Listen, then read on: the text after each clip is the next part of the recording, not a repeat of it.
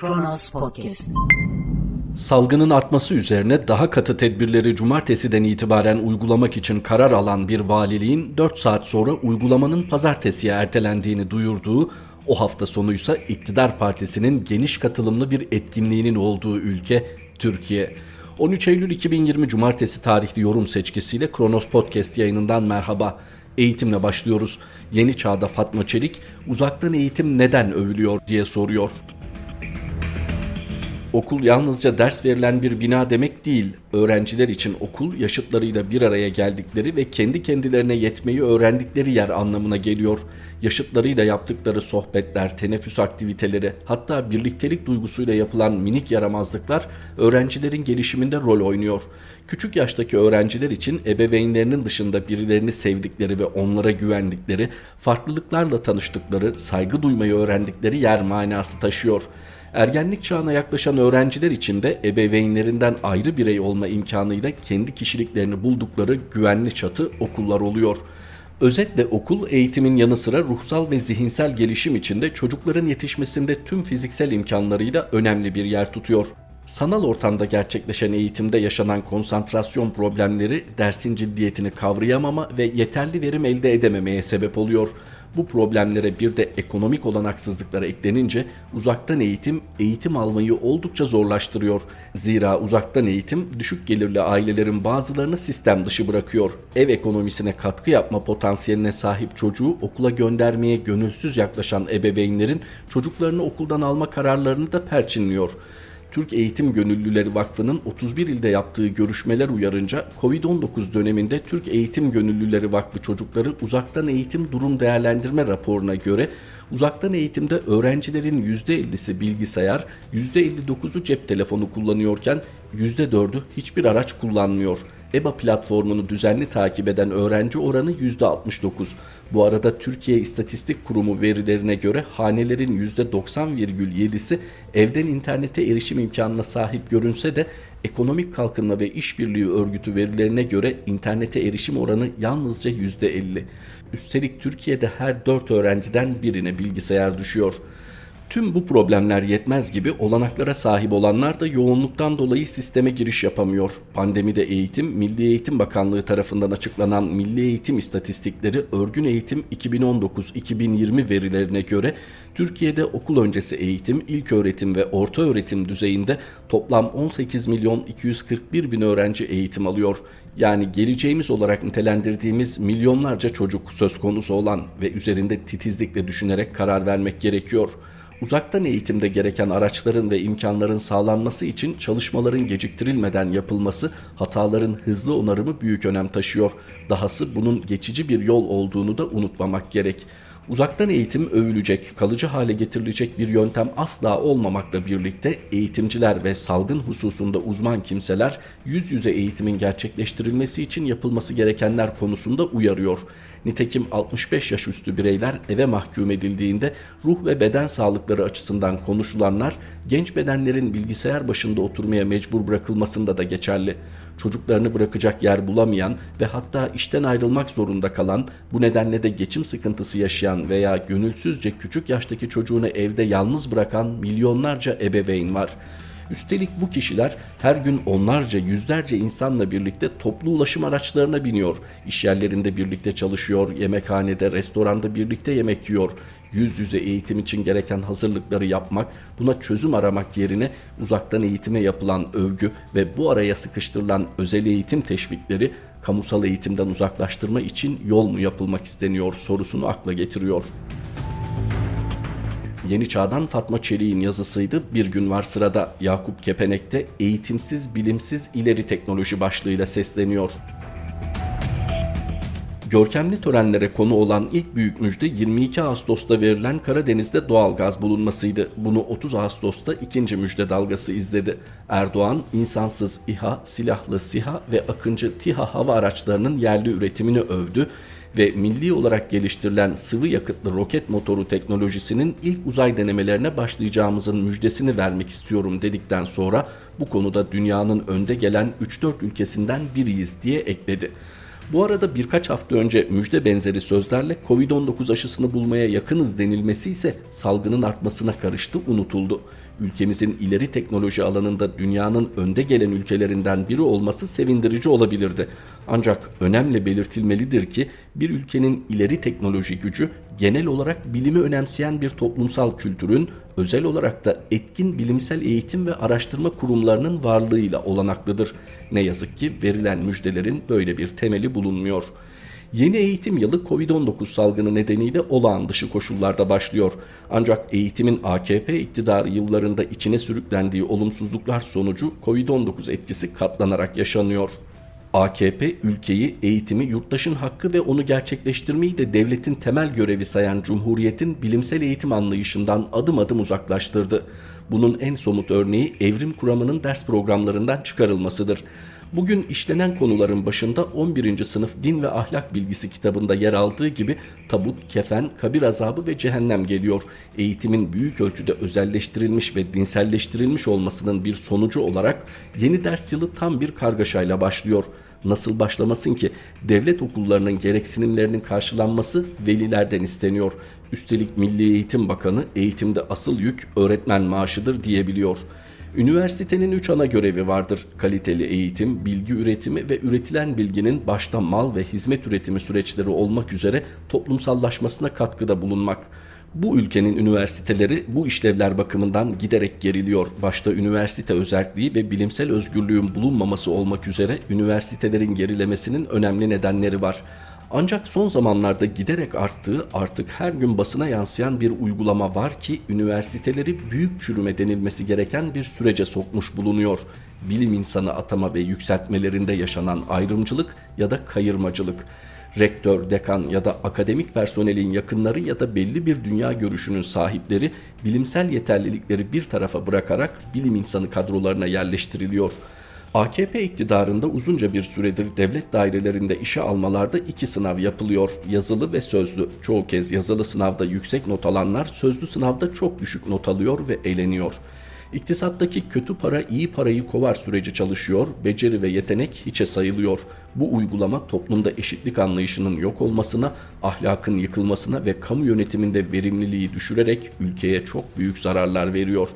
Ancak aynı uygulama üniversitelerde yapıldığında görevin niteliği gereği bu tür zararlar birikimli bir biçimde ve katlanarak artıyor. İçeriden beslenme denilen bu uygulama sonucu üniversitede yakın akraba evliliği ya da Osmanlı'nın beşik uleması benzeri bir çürüme sürecine giriliyor. Üniversite üniversite olmaktan çıkıyor.'' Bu olumsuzlukların asıl sorumlusu olan iktidar mucize gibi ileri teknoloji müjdeleri veriyor. Oysa bilim tarihi bir yönüyle de mucizelerin yerini bilime bırakmasının tarihidir.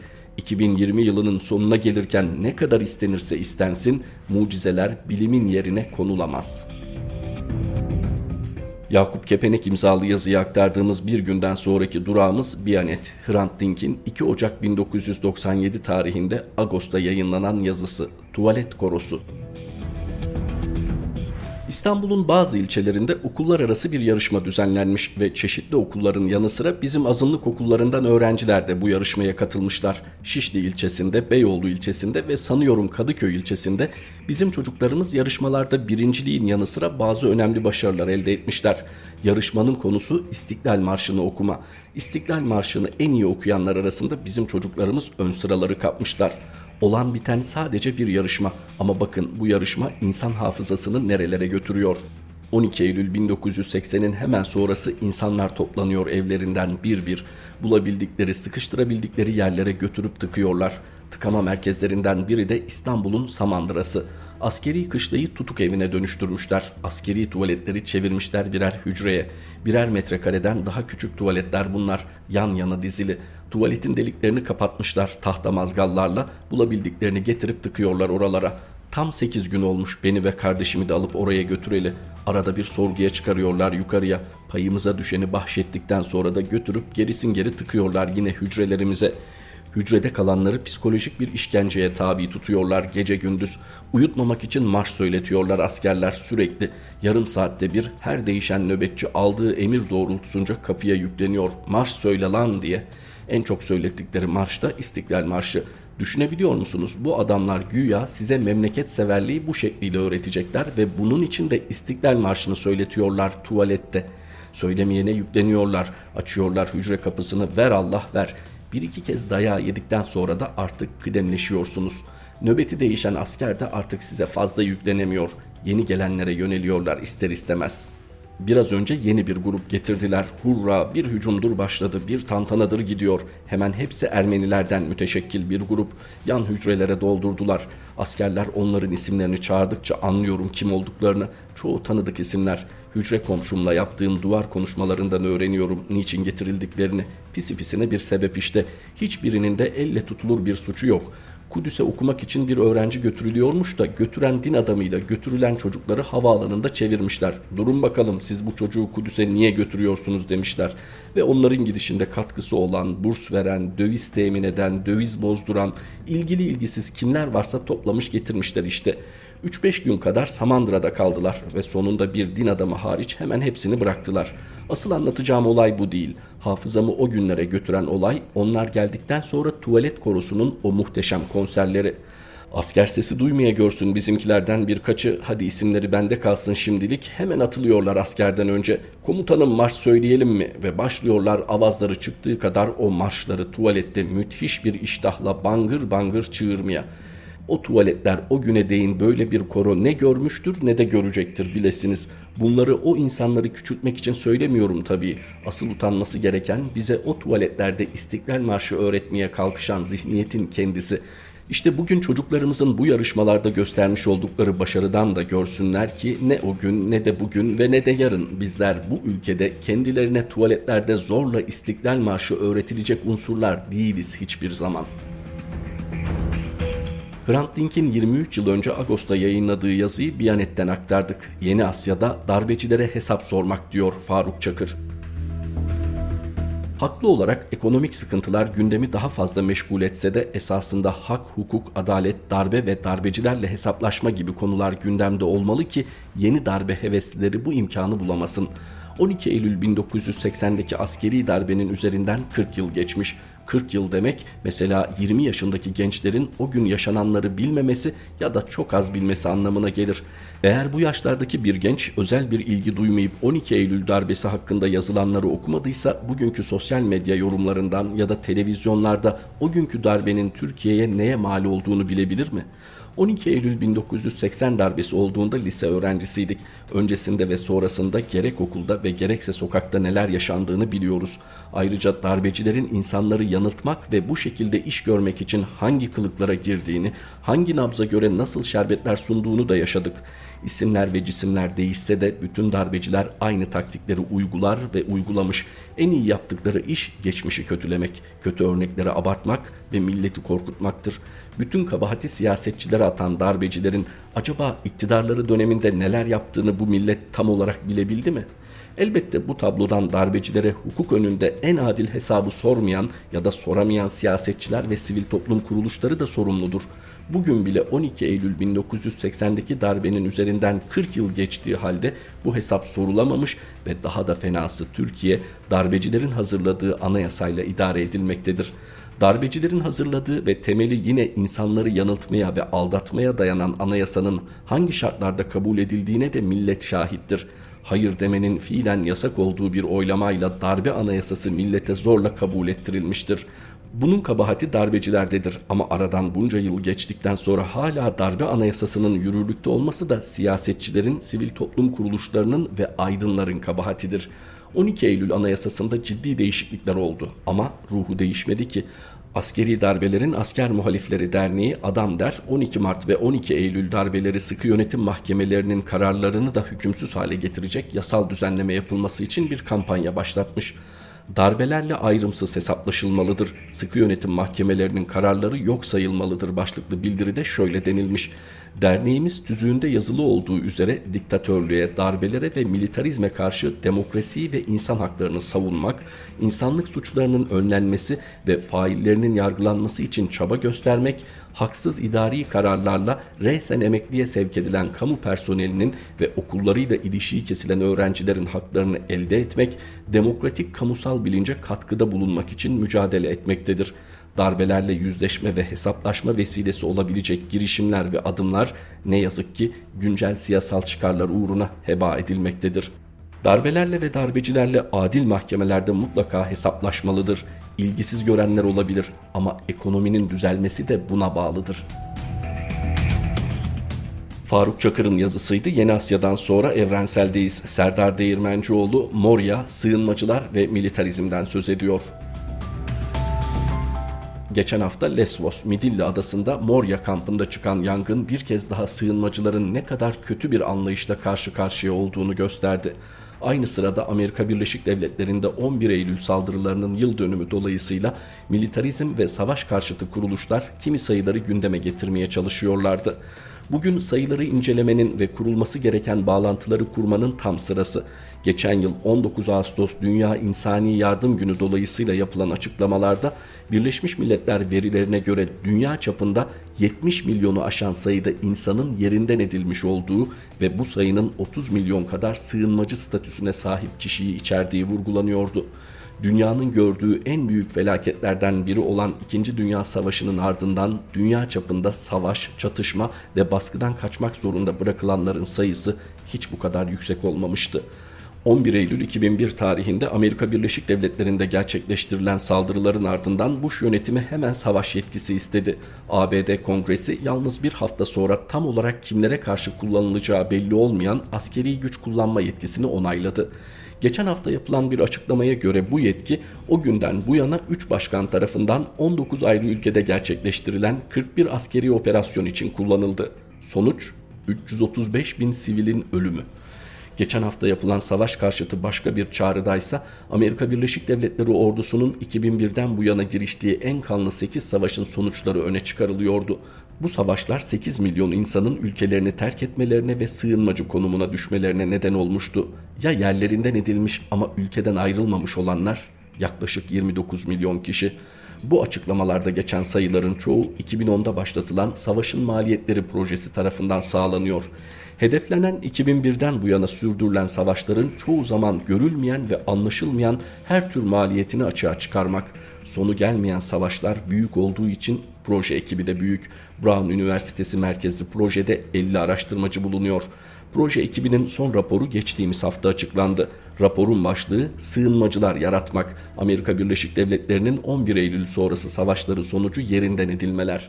Raporun ana bulgusu incelenen 8 ülkede Afganistan, Irak, Suriye, Pakistan, Yemen, Somali, Filipinler ve Libya toplam 37 milyon insanın yerinden edilmiş olduğu. Bu sayı ülke içinde yerinden edilenleri, ülkeden ayrılan ve sığınma başvurusu yapanları ve sığınmacı statüsünde olanları içeriyor. Kullanılan kaynaklar resmi kayıtlar olduğu için ulaşılan sayının alt sınır ve düşük bir tahmin olarak görülmesi gerektiği vurgulanıyor. Yani sayı en az 37 milyon. Suriye için yapılan hesaplamada yalnız IŞİD'e karşı yürütülen operasyonlar incelenmiş.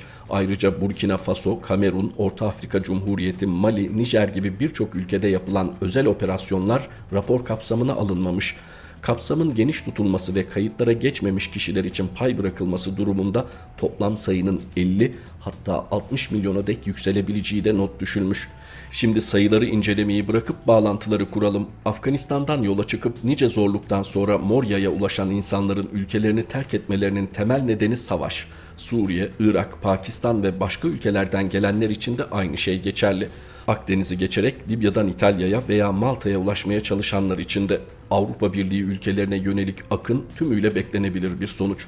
Avrupa Birliği savaşları, savaş endüstrisini beslemek için savaşları destekleyen hükümetleri engellemeye çalışmadığı, NATO ve militarizmin bir seçenek olmadığını kabul etmediği sürece savaşlar sonucu yerlerinden edilenlerin Avrupa'ya kaçışını engelleyemez. Ya Türkiye Afganistan, Irak ve Suriye'de savaşa ses çıkarmayanların Türkiye'ye sığınan insanlara söyleyecek bir lafı olabilir mi? Yerli ve milli silahlara alkış tutan, rejimin savaş destanlarına inananların barış istediğine kim inanabilir? Savaş, silah ve dayatma dışında çözüm içermeyen militarizmin yol açtığı acılar bugün hiç olmadığı kadar açık ve ortada. Türkiye'de ve tüm dünyada kalıcı ve insancıl tek seçenek barış. Evrensel'den aktardığımız Serdar Değirmencioğlu imzalı satırlar bu birlikteliğimizdeki son paylaşımımızdı. Mehmet Şahin yeni yorum seçkimizde Kronos Podcast yayınında tekrar buluşmak üzere. Hoşçakalın.